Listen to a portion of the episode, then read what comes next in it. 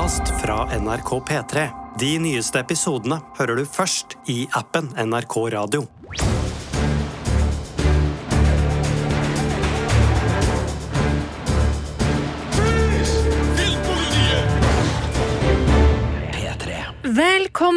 Til Filmpolitiets podkast i studio i dag. Birger. Sigurd? Og meg som heter Marte. Og i dag så skal det altså handle om det britiske kongehuset. Pomp og prakt, intriger og skandaler. Femte og nest siste sesong av The Crown er jo ute på Netflix nå, og eh, du som hører på skal få min dom over sesongen. Og så skal vi diskutere problematikken knytta til dette med når fiksjon tukler med virkeligheten. Men eh, aller først, eh, hva er deres forhold til The Crown? Jeg har slukt de fire første sesongene. Det her er noe av det beste som Netflix har prestert, uh, syns jeg. Det er TV-underholdning av ypperste merke, med godt skuespill, sabla skarpt skrevet manus, og en påkosta produksjon som virkelig er en såpeserie i elitedivisjonen, samtidig som uh, historien som fortelles, jo er en reise gjennom Europas nære fortid. Så her er det så mange kvaliteter som gjør at jeg er såkalt nagla til skjermen. Jeg er Enig med deg, Sigurd? Du, jeg er enig i alt Birger sier der, og da første sesong kom, så ga jo jeg den en sterk terningkast fem, og var begeistra både for enkeltepisoder som dykka ned i historiske hendelser som egentlig ikke hadde noe direkte med kongehuset å gjøre, sånn helt uh, på overflaten, men som selvfølgelig var tilknytta fordi de var i den posisjonen de var, til da det du snakka om med, med utseende, historier, altså det, det, det, var en sånn uh, herlig plass å tilbringe tida. Altså, av og til så er det TV-serier som er så prestisjedrama og har en sånn estetikk som bare uh, for at du vil være der. Du vil sitte foran skjermen og bare være i Buckingham Palace med denne gjengen. Og den kvaliteten fikk den. Så må jeg jo bare innrømme at fra den uh, gode, gode inngangen jeg hadde til serien, så har jeg sett episode, nei, sesong én, jeg har sett sesong to, jeg har sett nesten ferdig sesong tre og så har jeg ramla av. Fordi uh, sjøl om alt er veldig høy kvalitet og veldig bra, så har det vært litt ujevnt i, uh, i det her selskapet, og etter hvert som både skuespillerbytta har skjedd, og vi har nærma oss vår egen historie, så har det meldt seg en litt sånn ja, Jeg skal ikke si at jeg har gått lei, men jeg har i hvert fall ikke prioritert The Crown over alle de andre uh, filmene og TV-seriene jeg har sett. Nesten litt sørgelig å høre, Sigurd, at du har falt fra, for jeg syns at spesielt den fjerde sesongen den eh, fikk virkelig schwung på den historien som nærmer seg den nyere tid, og jeg føler fremdeles at interessen rundt The Crown er berettiga, fordi vi har jo en iboende interesse for det britiske kongehuset, og vi har kanskje ikke full oversikt alle sammen over hva som egentlig har skjedd der i løpet av dette siste århundret. Så mange har nok hatt The Crown som en slags uh, skolegang da, i, det britiske kongehusets historie, på godt og på vondt, og det kan vi helt sikkert komme tilbake til, men jeg foreslår at du nå gjør en innsats for å komme, til, komme til, til, tilbake igjen da, på The Crown, for jeg mener at det, det vil være verdt det for din del også. Ja, jeg syns jo det er eh, spennende, Birger, at du nå sitter her eh, med såpass mange hull i din egen serietitting fordi du ikke har tid og, og, skal ha oss til å se enda mer! Men du har jo helt rett, og, og det er tjenesteforsømmelse. Og jeg er klar over at det her sannsynligvis går på mitt permanente rulleblad her i Filmpolitiet som en tydelig prikk. Så den er mottatt. Svart flekk. Ja. Men det er som du sier, Birger, i forrige sesong så begynte vi å nærme oss vår tid, og i sesong fem så er vi jo i en periode som til og med jeg kan huske ting fra. Og nå skal vi altså høre litt fra sesong fem av The Crown. In light of the events of the last 12 months, perhaps I have more to reflect on than most. The royal family is in genuine crisis. Have royal scandals damaged the country's reputation? The House of Windsor should be binding the nation together, setting an example of idealized family life. It's a situation that cannot help but affect the stability of the country.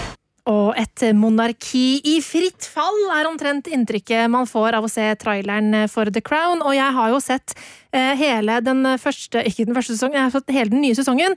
Dere har ikke rukket det ennå, for den er jo helt eh, superfersk.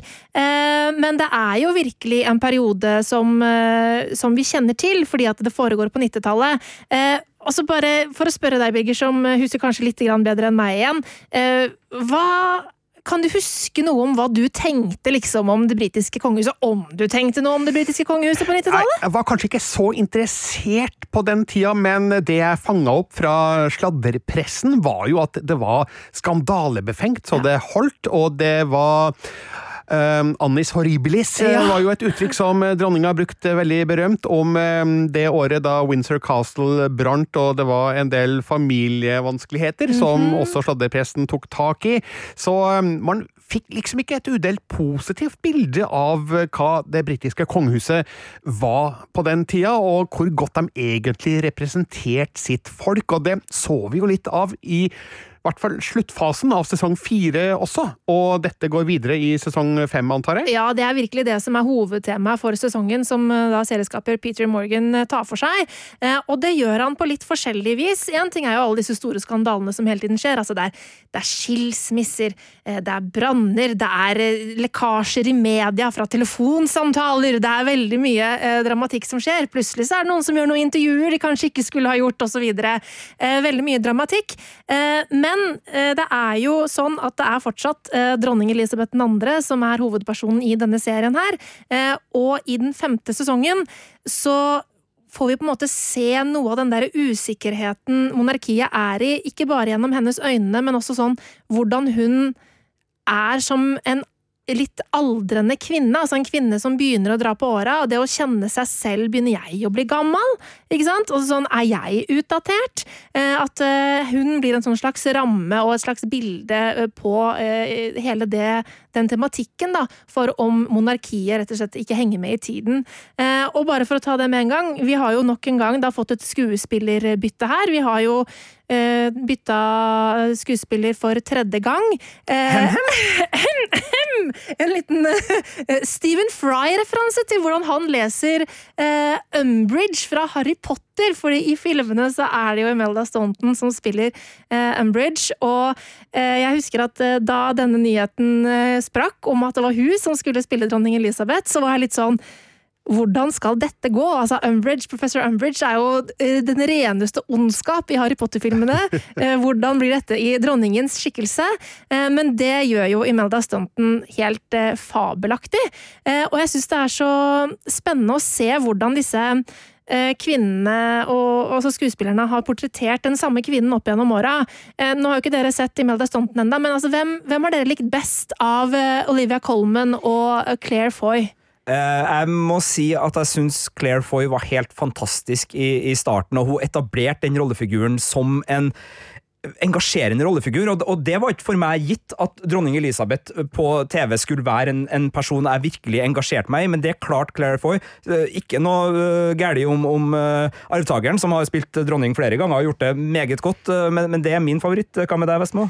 Jeg må også si at Claire Foy er nok min favoritt. Det er ikke nødvendigvis fordi hun er en bedre skuespiller, men fordi spennet i rollen hennes var så mye større fordi der får vi jo se hvordan dronning Elisabeth blir dronning, mm. og hvordan hennes eh, liv tar en helt annen retning.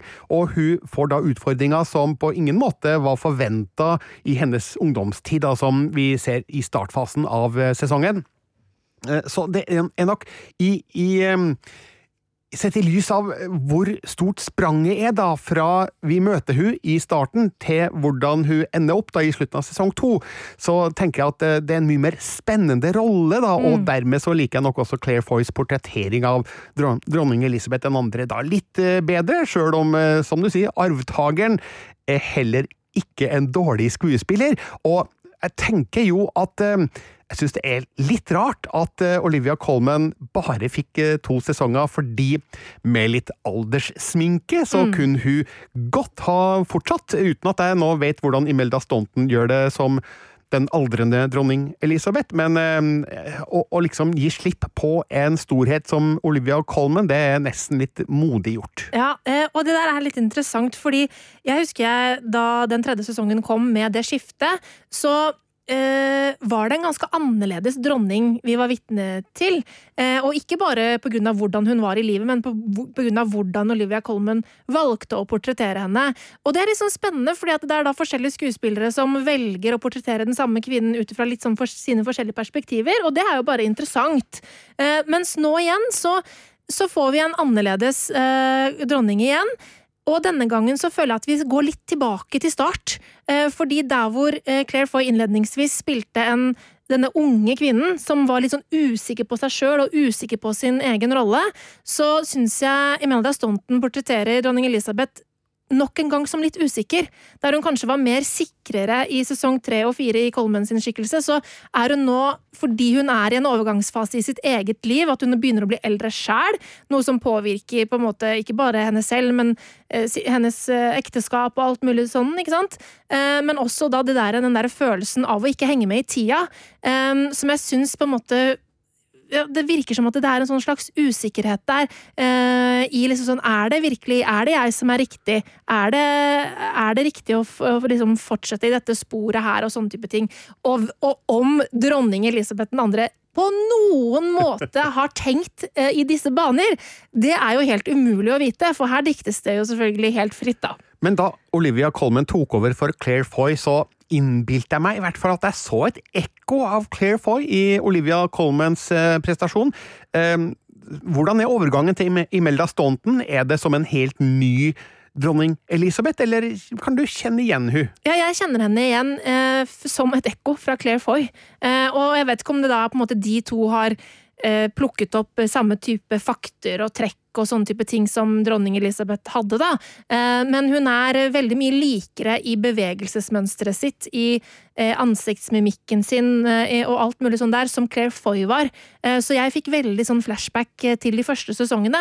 Og det er også litt interessant, fordi i denne sesongen så brukes det nettopp flashback fra Claire Foy. Og nå er jeg litt usikker på om det er faktiske flashback, eller om det er nyinnspilte scener, men det, det, det plukkes opp ting fra hennes tidligere liv eh, som da skal spille til, nettopp på dette med at hun nå har blitt eldre, og at eh, vi nå er i en sånn annen fase av livet.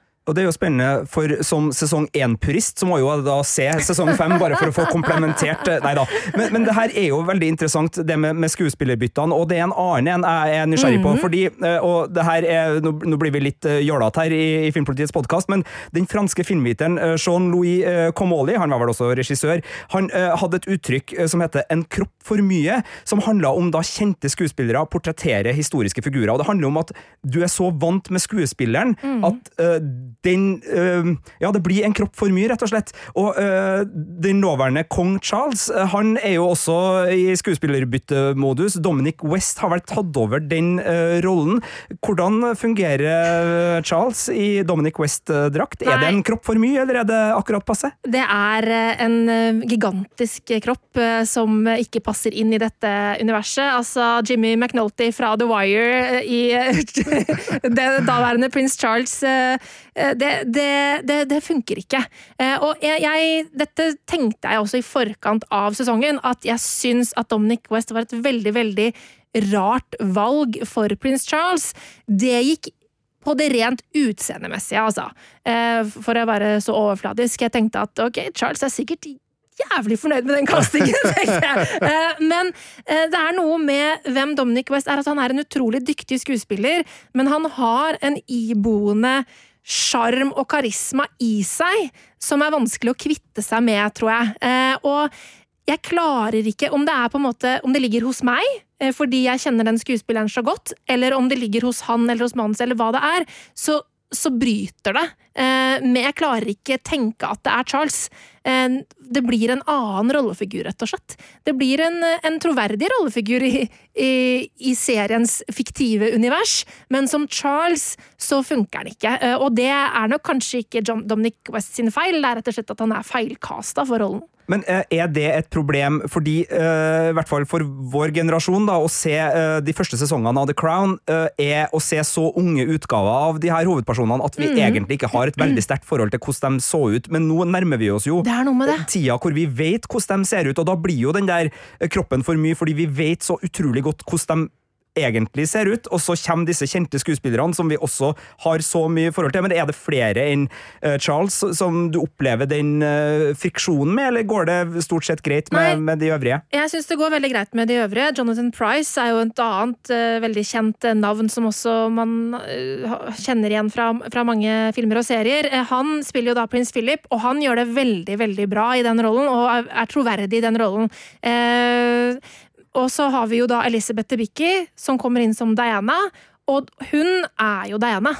Eh, I starten av de første episodene så var det sånn at jeg nesten vurderte å tenke sånn blir det for mye? Altså sånn Blir det nesten parodisk, liksom? Mm. Men så, når man venner seg til det, så er det bare sånn herregud, hun, hun er jo Diana. Hun er helt lik i måten hun beveger seg, i, i, måten hun har fjeset sitt på, det derre nedslåtte blikket som vi ser igjen og igjen, stemmen, måten hun prater på, alt er veldig, veldig likt. Men nå har vi jo sett uh, Kristen Stewart uh, som Diana på kino, og nå husker jeg ikke hva den forrige skuespilleren som spilte Diana i The Crown het, men, men det å gå fra den ene til den andre, hva mm. gjør det med din oppfatning av den nye prinsesse Diana? Altså, er du solgt fra første stund, eller tar det tid å bli vant ja. til den nye Diana? Jeg er egentlig ganske kjapt solgt, eh, og det har ingenting med eh, den forhenværende skuespilleren å gjøre, egentlig, eh, for hun var også helt utrolig god. Hun, hun men hun var jo en yngre person, og hun var jo også veldig veldig lik. Eh, Emma Corinne er det hun heter. Eh, og hun eh, var veldig veldig god, mens nå på en måte er det en Diana en litt annen fase av livet som vi skal inn i, og derfor er det lettere å, å på en måte ta inn over seg den overgangen. da. men det var bare det derre innledningsvis med at hun Elisabeth Debicki var så lik at jeg at det begynte å rykke litt i parodinikkene mine, på en måte. Eh, men så hun, klarte, hun klarer akkurat den balansen. Eh, og det er jo litt sånn som jeg må innrømme at når jeg tenker tilbake på sesong én av The Crown, og når jeg, tenker, når jeg tenker på dronning Elisabeth som ung, så får jeg jo Claire får jo hodet mitt. Ja. eh, og jeg tror det er lett eh, å tenke Elisabeth Debicki sin skikkelse når man tenker på Diana etter å ha sett den sesongen her, for mm. hun er såpass, eh, såpass, lik. Men nå har jeg forstått det slik at eh, prins Charles eh, har en mye større plass i denne sesongen enn han kanskje hadde i den forrige? Ja, han har jo hatt litt sånn uh, varierende plass, og det, det, han har han har stor plass i en del episoder, men det er også episoder hvor han er helt fraværende. Jeg må innrømme at jeg tenkte at den aller, aller største delen av denne sesongen kom til å handle om eh, altså Charles og Dianas separasjon og senere skilsmisse. Eh, og den handler en god del om det. Eh, og den handler en god del om dramatikken rundt det og sånn. Eh, men ehm, eh, det er en eh, sesong som tar inn over seg veldig mye mer enn det også. Den handler om altså Eh, Jeltsin, første president eh, valgt eh, demokratisk i Russland. Den, han tar inn over seg har en sånn lang greie med at det kongelige skipet Britannia er blitt gammelt og skal destrueres. Altså, mange greier. Altså, den brannen du nevnte på slottet i Windsor, har en stor del av det. Vi skal være med prins William på skolen. Det er veldig mange ting som skjer. Og det gjør at eh, jeg syns denne serien her oppleves som noe fragmentert. Eh, fordi i The Crown så har vi alltid hoppa veldig mye. Det har alltid vært altså, sånn, Det er jo tiår som fortelles i sesongene her. Det er klart at man ikke kan ha liksom en ongoing dag-til-dag-fremstilling av hva som foregår. Men fordi det er så utrolig mye som skjer på 90-tallet for det britiske monarkiet, så, så, blir det så ekstremt fragmentert at jeg føler at vi ofte bare ligger på overflaten av tingene. Eh, Så selv om eh, Charles har en større rolle i denne sesongen, så opplever jeg ikke nødvendigvis at vi kommer så veldig mye mer innpå han som person. Eh, Og det forsterkes jo også av at jeg sliter med Dominic West i rollen. Um, men samtidig så er det, det er Men altså, jeg har jo gitt en terningkast fire her, og det betyr jo at dette er absolutt en bra sesong fortsatt. Um, så selv om den er kanskje den svakeste sesongen i serien til nå, eh, så koser jeg meg jo med det. Eh, og jeg syns det er veldig mye eh, fint og, og, og spennende å ta for seg her. Altså, apropos Charles, vi skal innom Tampon Gate, som er et begrep som jeg ikke kjente til før jeg så serien. Eh, det er mulig at folk som er litt eldre enn meg kjenner til det. Det var en stor skandale på 90-tallet når det kommer til telefonavlytting, hvor Charles var eh, involvert. Jeg skal ikke si noe mer enn det. Eh, og så er det også en, en del av det som jeg syns var veldig interessant, var dette forløpet til Dianas veldig kjente intervju med den BBC-journalisten Martin Bashir, mm. hvor hun rett og slett eh, outa eh, kongehuset eh, og Charles og sa litt sånn hvordan hun hadde følt seg behandlet. Eh, det var da etter at de hadde separert seg. Eh, for det, og det var en annen ting jeg heller ikke visste, dette med at de separerte seg jo, og så skilte de seg jo etter hvert, ikke sant? Men eh, så var det sånn at eh, da de separerte seg, så var det bare sånn ja, de skal være separert for alltid. For de kongelige skiller seg ikke. Nei. Så det er sånn, Sånne type ting syns jeg er veldig fascinerende og spennende. Da. Og så må jeg jo selvfølgelig nevne at jeg vet jo ikke nøyaktig hva som er fakta og fiksjon her. Eh, så det er jo litt sånn eh, vanskelig å, be, å begi seg ut på, da. Men, eh, men det er veldig mye Og så er det noen sånne skikkelig gode enkeltepisoder ute og går. Og det har jo alltid The Crown vært veldig gode på. Ja, jeg syns jo de to episodene jeg husker aller best, er den om The Great Smog, er det vel, i sesong én. Eh, Den her eh, tåka som legger seg over London, og som blir eh, en skikkelig trussel for byen. Og ikke minst da i sesong tre, ei gruveulykke i Wales, som er en Prince Charles-episode, sett fra The Crown sin biografiske runde, men det er jo skildringer av ulykker, lokalsamfunnet og, og det politiske spillet rundt, og, og sorgen. Eh, Og selvfølgelig også eh, dronning Elisabeth sitt inntog i det her, og hennes egen forhandling med, med eh, sitt følelsesliv og sånne ting. Så, det- den har jo utrolig mange ben å stå på, men, men det er jo de episodene som jeg syns har vært de aller, aller beste i The Crown eh, så langt. Så den der evnen til å skifte scene ganske brått og ganske uh, stort har jo vært en, en styrke, fordi ofte har anslaget i hver episode satt oss inn i en ny kontekst, pr- flytta oss til en ny plass og introdusert uh, gjerne en ny rollefigur som blir sentral, men det er jo en fare for at uh, disse skiftene kan bli for hektisk, for kaotisk, og, eh, og en sånn monoton rytme som, som gjør at man ikke får den innlevelsen da, som, som kanskje trengs for at et sånt biografisk drama i denne størrelsen virkelig skal gripe, i tillegg til å se bra ut på skjermen. Ja, for at jeg syns at denne sesongen også har noen skikkelig sånne gode enkelthistorier som får lov til å skinne litt ekstra. Eh, Sånn som for eksempel eh, i blir, Apropos anslag, det er noen sånne skikkelig fine anslag eh, i sesongen hvor vi går litt sånn tilbake i tid, og så møter vi samme person i nyere tid etter introkjenningen, ikke sant? Og en av de episodene så møter vi jo for eksempel da hotellmogulen Mohammed Al-Fayed. Eh, eh, han har flere episoder, men den ene hvor han skal kjøpe opp Ritz i Paris og, og bli hotellmogul. Eh, den andre hvor han eh, kjøper opp og pusser opp den villaen til den abdiserte kong Edvard, som da har bodd i Frankrike i mange år etter hans død og sånn. Og, og for de som ikke kjenner til navnet Mohammed Al-Fayed, det er jo faren til Dodi Al-Fayed, som også er med i serien her, men som ikke foreløpig eh, har eh, fått en stor innvirkning på Dianas liv enda.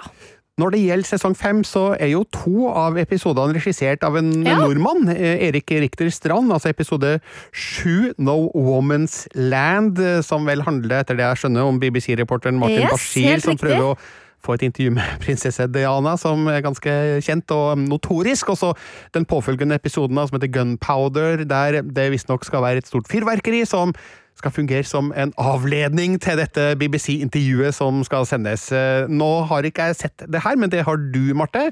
Eh, Kan du gå god for Erik Richter Strands Eh, eh, egenskaper som regissør her? Jeg kan absolutt det. Jeg syns det var veldig Den episoden som du nevner først der, den som handler om altså forløpet til intervjuet, og hvordan Martin Bashir går frem for å få intervjuet med Diana.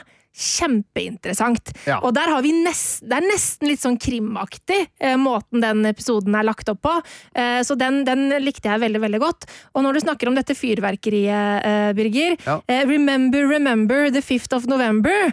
Eh, det er jo rett og slett eh, fyrverkeriet på Guy Fawkes Day. Fordi eh, det var vel på Guy Fawkes Day at da Diana Ifølge serien, og det her vet jeg ikke om stemmer, eh, men ifølge serien så var det datoen eh, hvor Diana gjorde intervjuet med Martin Bashir. Ah. Og det er jo veldig, veldig sånn, altså med tanke på hva Guy Fawkes Day er for noe, altså eh, et eh, komplott eh, mot eh, kongehuset og regjeringen, hvor de forsøkte å få kongen drept, og så skal da Diana gjøre dette veldig forferdelige intervjuet for monarkiet på den samme dagen. Det var veldig sånn virkningsfullt, da. For de som ikke kjenner til Erik Richter Strand, så har han regissert filmen Sønner fra 2006. Og så har han eh, regissert tre Varg Veum-filmer og eh, flere episoder av eh, serien Valkyrien. Apropos krim. Apropos krim. Men det at han nå har regissert to episoder av The Crown, det rykker han jo ganske kraftig opp på den stigen, da. Rent karrieremessig, så imponerende. Og Ja. veldig gøy at de to episodene tilsynelatende innfrir. Ja, jeg syns det veldig, var veldig spennende episoder. Både pga. måten de var satt sammen på, men også selvfølgelig pga. tematikken i dem. Eh, Så absolutt eh, noe å glede seg til. Men øh, nå har du jo vært innom det et par ganger, og jeg er jo litt spent, fordi det her har jo vært øh, i større grad enn tidligere sesonger av The Crown, en øh, sesong som har vakt litt øh, øh, Ja, skal vi si øh, Kommentarer fra Ja. forskjellige folk når det gjelder akkurat det her med et historisk drama. Uh, hvordan behandler de fakta? Mm. hvordan bakes fiksjon inn i det her? Og hvordan skal Netflix merke sitt produkt? For det, det har uh, storma litt. Det har eh, virkelig storma. Eh, Det er mulig at det er jeg som er naiv her, men, eh, men har ikke alle skjønt at dette er en såpeserie basert på enkelte faktiske faktum? Jeg tror faktisk ikke det. Jeg tror veldig mange som setter seg ned og ser denne typen serier, tenker at ja, sånn var det. Ja, nemlig. Altså, det er jo et problem, men jeg vet ikke om det nødvendigvis er seriens problem. Det er kanskje publikums Ja, problem, fordi eh, sett med mine øyne, så er det jo helt åpenbart fra første stund at uh, dette er fiksjon.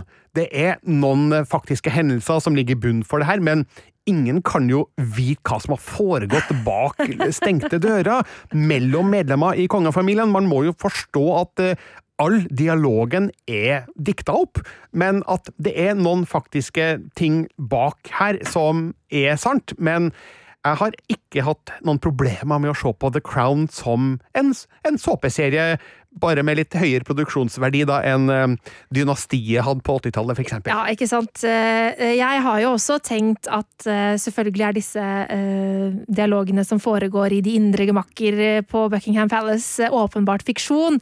For vi kan jo ikke vite, til tross for at alle mulige sånne dokumentarer man noensinne har sett om eh, konge, eh, kongefamilien og om Diana og alt mulig sånt, har alltid veldig mange sånn en eller annen kilde som har overhørt eller eh, lest et brev eller hørt en telefonsamtale, så liksom at man skal liksom vite noe mer. Men eh, det er klart at eh, det her må det diktes, og det har vært helt åpenbart. Men den kritikken som da har kommet i forkant da, av, av sesongen, er jo blant annet fra Dame Judy Dench, som var nær venninne med eh, dronningen, og hun anklagde serien for å være crude sensationalism, nemlig det at eh, Netflix var villig til å viske ut grensene mellom historisk nøyaktighet og dette sensasjonsjaget for å underholde. Og så er det også da tidligere statsminister John Mayer som er eh, fly forbanna fordi han, han kalte serien A Barrel Load of Nonsense i forbindelse med da historien der Charles lefler med tanken på å ta over som monark, for i sesongen så er det en liten tråd hvor han tenker at jeg er jo mye mer eh, moderne. Eh, monarkiet er i krise. Eh, vi henger bak tida. Kanskje bør min mor abdisere, og kanskje det er jeg som skal ta over eh, makta. Og eh, det mener da John Mayer, tidligere statsminister, er fullstendig oppspinn. Og jeg tror at begge to har selvfølgelig helt rett, men det her veit jeg. Eh, Jeg er klar over det, og jeg tar alt med en klype salt. Jeg skjønner hva som må være oppdikta, og hva som nok sannsynligvis har en kime av sannhet i seg, men problemet er jo hvis det er massevis av seere der ute som ikke forstår det, Ja. og som dermed får et forvrengt bilde av det britiske kongehusets historie, og det er vel der eh, problemet ligger i første omgang, at eh, man kan få en, eh, et falskt bilde da, av eh, hva som egentlig har foregått, og så fester det seg blant befolkninga. Eh, som ikke leser historiebøker, men som da får all sin informasjon fra en såpeserie på Netflix. Ja, men for eksempel akkurat når det gjelder den eh, Charles ville at dronninga skal abdisere for å kunne ta over som monark. Eh, Det er et sånt element som jeg tenkte at det kunne være sannhet i. Eh, For her har vi jo eh, Her er det jo møter med flere reelle mennesker i på en måte litt mer sånn offentlige møter som diskuterer dette eh, i storylinen i denne sesongen. Da. Eh, og da tenker jeg sånn, ja, det kan jo, det kan jo være sant. Altså at på en måte for, Om da John Mayer på et eller annet tidspunkt i sine memoarer har skrevet at liksom, ja, på 90-tallet så ville prins Charles bli konge. Eh, det, det, det vet jo ikke jeg. Eh, sånn at eh, jeg tenker jo at man må jo ikke være historiker eh, for å, for å kunne forstå eller for å vite hva som er fakta og fiksjon her. Eh, Men jeg er enig i at det der som foregår på bakrommet, altså samtalene mellom Elisabeth og, og, og prins Philip, når de snakker om sitt forhold og ekteskap, selvfølgelig er det oppspinn. Eh, De fortrolige samtalene mellom Diana og Charles vi skjønner jo at det bare er eh, fantasi, eh, men de, der, de tingene som fremstår som mer historiske, Ja. eh, der kjenner jeg at eh, jeg, jeg, blir, jeg, jeg blir ikke personlig forarga over at eh, ting da er eh, faktafeil og sånn, men jeg, kan forstå at folk kan bli litt frustrerte. Men, men altså, hvor går egentlig denne grensa, da? Altså, hva, er det brettika kritikk, syns du, Sigurd? Er, er det bare sånn at det liksom alt, når det er historisk drama, da skal det være 100% korrekt. Eller, eller er det sånn at man må jo, kunsten må få lov til å ta seg noen friheter? Altså, Det er fint å få et så konkret spørsmål om en eh, sesong jeg ikke har sett, men, men altså, hvis vi Ja, men generelt, åpne, hvis vi åpner den her generelt, så er jo svaret at alt er egentlig mulig. Altså, øh, Den kritikken som kommer, øh, og det er jo spesielt rundt serier og filmer, historiske serier og filmer som da ikke er dokumentarer, men som er øh, dramatiseringer av virkelige hendelser, som handler om krig, nasjonsbygging og, og det kongelige. Der er det spesielt mye debatt, fordi der har vi mange historikere som selvfølgelig har studert og jobba knallhardt for å finne ut av det, og så har man også andre behov øh, fra øh, fiksjonsverden for å belyse det på andre sida. Hvis man øh, tar for eksempel øh, debatten som kom etter JFK, denne her filmen til Oliver Stone som kom i 1990 eller 91 med, En. 91, med Kevin Costner da, i, i hovedrollen, som handla om Kennedy-drapet og etterspillet der, så øh, svingte jo liksom pendelen fra de som mente at det her er oppdiktning, altså det var konspirasjonsteori, til de som mener at det må være lov for kunsten å spekulere i amerikansk historie. Det må være lov å stille sånne spørsmål, selv om det ikke liksom, eh, er, er ment å være sant. Og det handler jo om den der kontrakten man inngår da med, med seeren. Altså det at Tarantino, for å bruke et veldig forslitt eksempel, kan drepe Hitler i en kinosal. Eh, uten at noen liksom roper 'historieforfalskning', det der er kjempeproblematisk, er jo fordi den kontrakten vi har med Tarantino når vi går og ser Inglorious Bastards på kino, er at her diktes det rundt historiske hendelser. Eh, Samtidig, hvis du framstiller et historisk drama som tett opp til virkeligheten, og du ønsker å vise fram en hendelse eh, på en måte som skal både være en historietime for publikum, men også liksom kanskje legge til noen elementer som ellers er vanskelig å fange opp. fordi Historia, eh, altså Vår levde historie har jo ikke en start og en slutt. Men hvis du putter det inn i en fiksjonsramme, så kan du gi det en start, en midtdel og en avslutning, og den kan ha moral, og den kan ha uh, alle de kvalitetene, den kan bli personifisert, øh, personifisert og du, kan liksom, du, kan- du har så mange muligheter, da. Og, og ikke minst når det er store hendelser, sånn som det britiske kongehuset. Altså, uh, det, det, det kalles jo sånne modernistiske hendelser, i hvert fall av enkelte historikere. Altså, sult, andre verdenskrig, hungersnød altså, De er så svære, de her hendelsene, at det er ikke mulig å fortelle dem øh, i en sånn enkel historie. Så da, så da blir det, hvis du skal ha med det politiske, det samfunnsmessige, det personlige, du skal ha med alle disse ingrediensene, så er fiksjonsramma en mulig øh, et redskap for å få tak i en sannhet som kanskje ikke ellers lar seg formidle.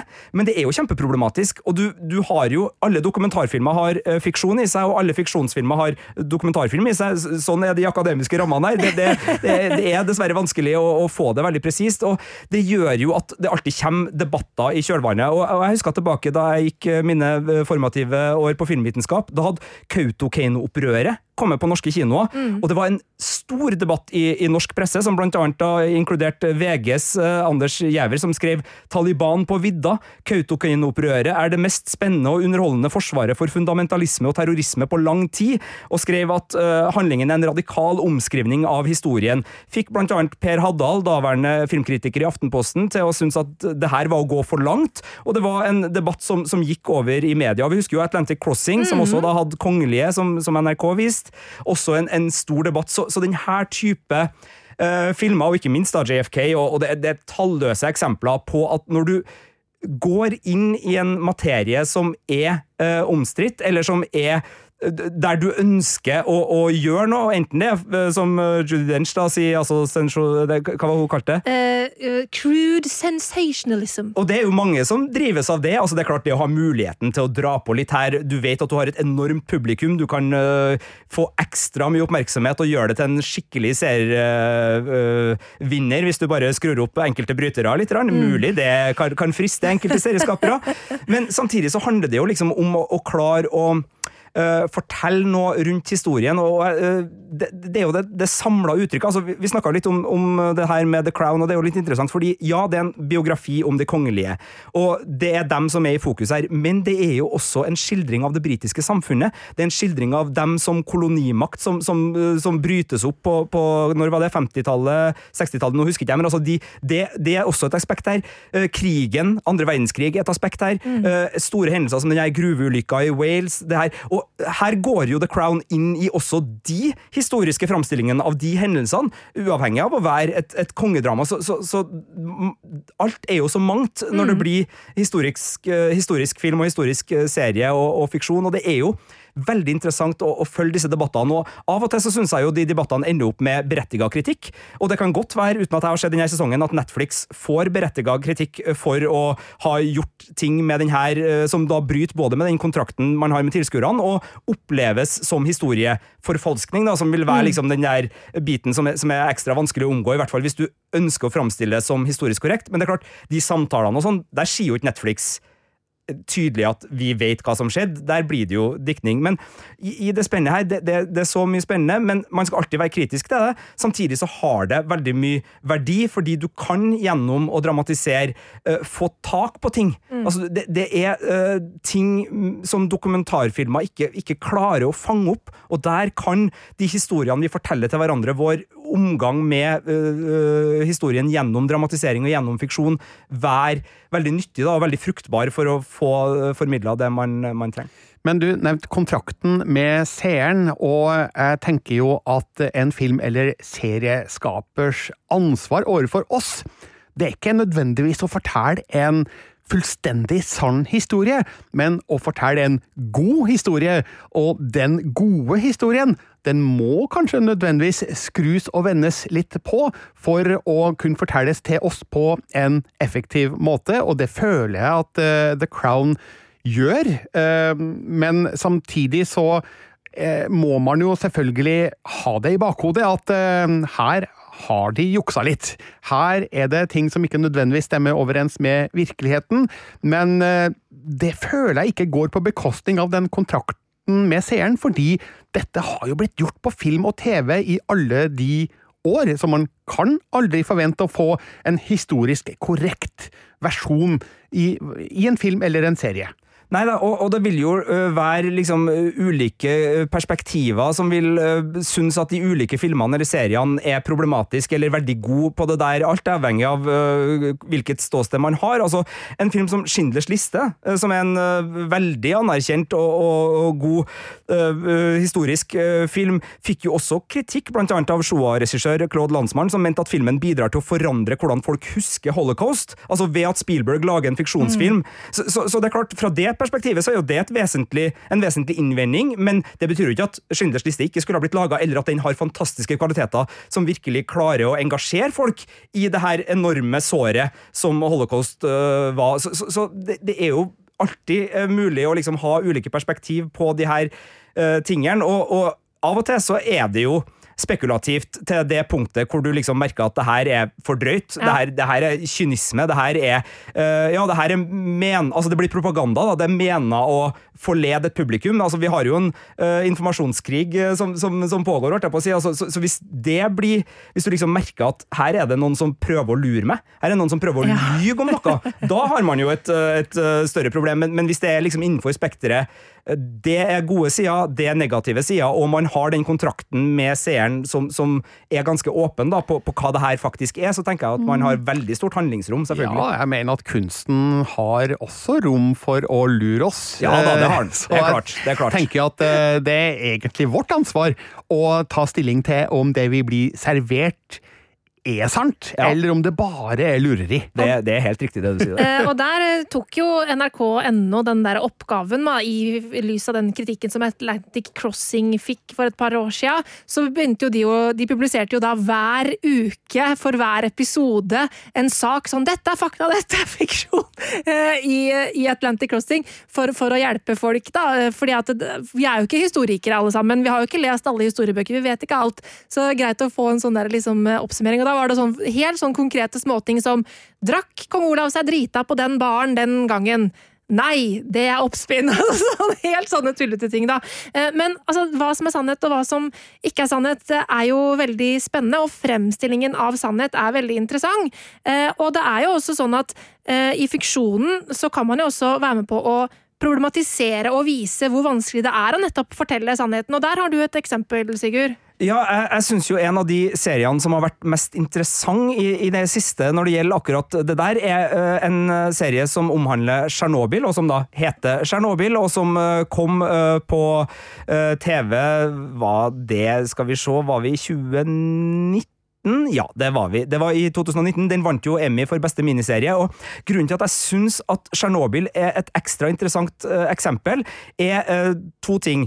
For det første så gikk jo de enda lenger enn NRK i det å ha et støttespor. Altså, uh, Jeg fikk ikke med meg da serien gikk, men en kamerat av meg har gjort meg oppmerksom på at HBO slapp en podkast med serieskaperen til hver episode, som da diskuterte hva som var dikta og hva som var sant. Fordi de tok jo utgangspunkt i Tsjernobyl-ulykken i 1986 og forteller den historien, men de dikter eh, personer de har både eh, historiske personer og de dikter opp personer for å få fortalt historien eh, på en måte som skal belyse den på flere sider. Og Den andre grunnen til at jeg syns den er ekstra interessant, er fordi den handler om det å ø, lage et narrativ rundt en historie i samtid, for det var jo mm. det som skjedde rundt Tsjernobyl-ulykka. Så serien, som da er en historisk ø, ø, dramatisert virkelighet, tar for seg hvordan virkeligheten på en måte ble framstilt, og, og, ikke dramatisert nødvendigvis, men, men, hvordan den også da ble bygd som en historie uh, i sin samtid. Så, så, den har et sånt metalag som jeg syns gjør den ekstra interessant. Og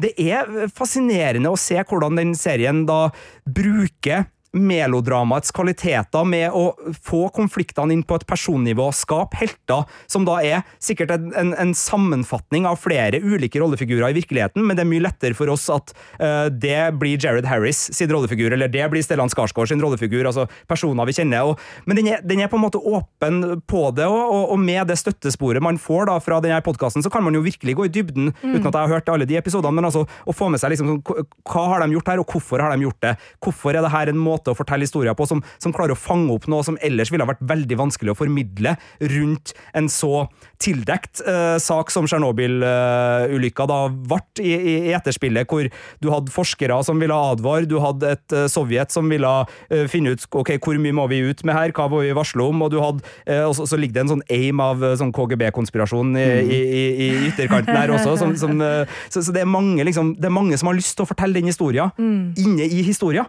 og det, og det syns jeg en veldig sånn fascinerende bit, da, og sammen med det her kommentarsporet, så er det her en et eksempel da, på hvordan historisk drama øh, utfordrer. Øh, fordi i den podkasten snakker serieskaperen åpent om liksom sånn her, hvordan pitche det her. Altså, du har selvfølgelig det kunstneriske behovet og formidlingsbehovet, og, og, og så skal du få med HBO. Mm. Du skal liksom få med en stor strømmer som har kommersielle interesser, i tillegg til selvfølgelig kunstneriske. Jeg skal ikke underkjenne det at uh, alle uh, men, men, men, men, da er det sånn her, ok, da må det gjøres universelt. Da må det ha en, en hook. Han, ikke, han sa det sjøl. Jeg kan ikke gjøre det her til lekser jeg kan ikke lage lekser av det her. Altså, det her kan ikke være en historietime som du ser som er så sannferdig som mulig, men ikke har de underholdningspunktene som gjør at du blir drevet inn i det og, og, og kose deg, ikke kose deg med det, men altså lar deg underholde. Ja. Mm. Uh, og da er det jo liksom den der balansen, da, hvordan Og The Crown vil jo ha akkurat den samme uh, tanken. Altså, du kunne selvfølgelig ha, ha laga en mye mer sånn tørr og detaljert og, og, opplysende sak, men hvis du ikke har publikummet, har, altså, da, da, må du jo begynne å stille spørsmål rundt sånn, ok, uh, hva er relevansen av å lage det? Og, og for serieskaperen her med Tsjernobyl så var jo liksom sånn Med et samfunn nå hvor informasjon er så sårbart og så uh, det kriges sånn om sannheten i vår store offentlighet, så er jo nettopp det å, å, å gi den relevansen kontekst ved å vise hvordan en, en ulykke i, i, 1986, som selvfølgelig også går inn i fremtidsengstelsene våre, men altså mm. å vise hvordan det å eie et narrativ kan skje, og hvordan kampen om det her narrativet foregår, også da ut i eh, forgreiningene historisk drama. Og Tsjernobyl er jo også da en del av det, og det er jo også da metablikket at den nå er veldig viktig for vår forståelse av hvordan Tsjernobyl skjedde.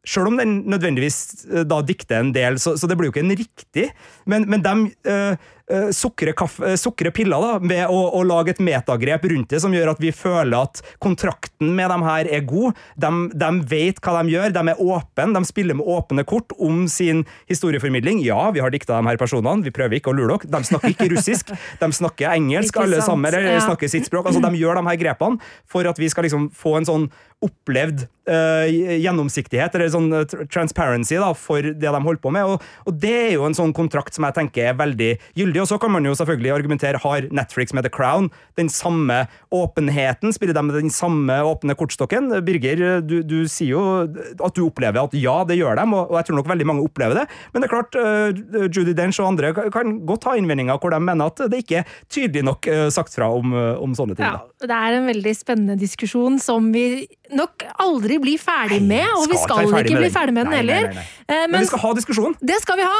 og skal du se The Crown, så bør du da kanskje gjøre som Birger sier her, da ta det hele med en eh, klype salt, fordi det her er underholdning, ikke fakta. Det var det vi hadde i Filmpolitiets podkast i dag. I studio i dag Birger Vestbo, Sigurd Vik. Og meg sjøl, Marte Hedenstad. En podkast fra NRK. Over hele verden skjer det merkelige ting på himmelen som like gjerne kunne vært henta fra science fiction. Ufo-observasjoner, konspirasjoner og hemmelighold. Hva i all verden er det som skjer der ute? Å, fy fader! Jeg filmer det! Har det på tape! Jeg heter Line Elfsåshagen og jakter på det ukjente. Ukjent hører du kun i appen NRK Radio.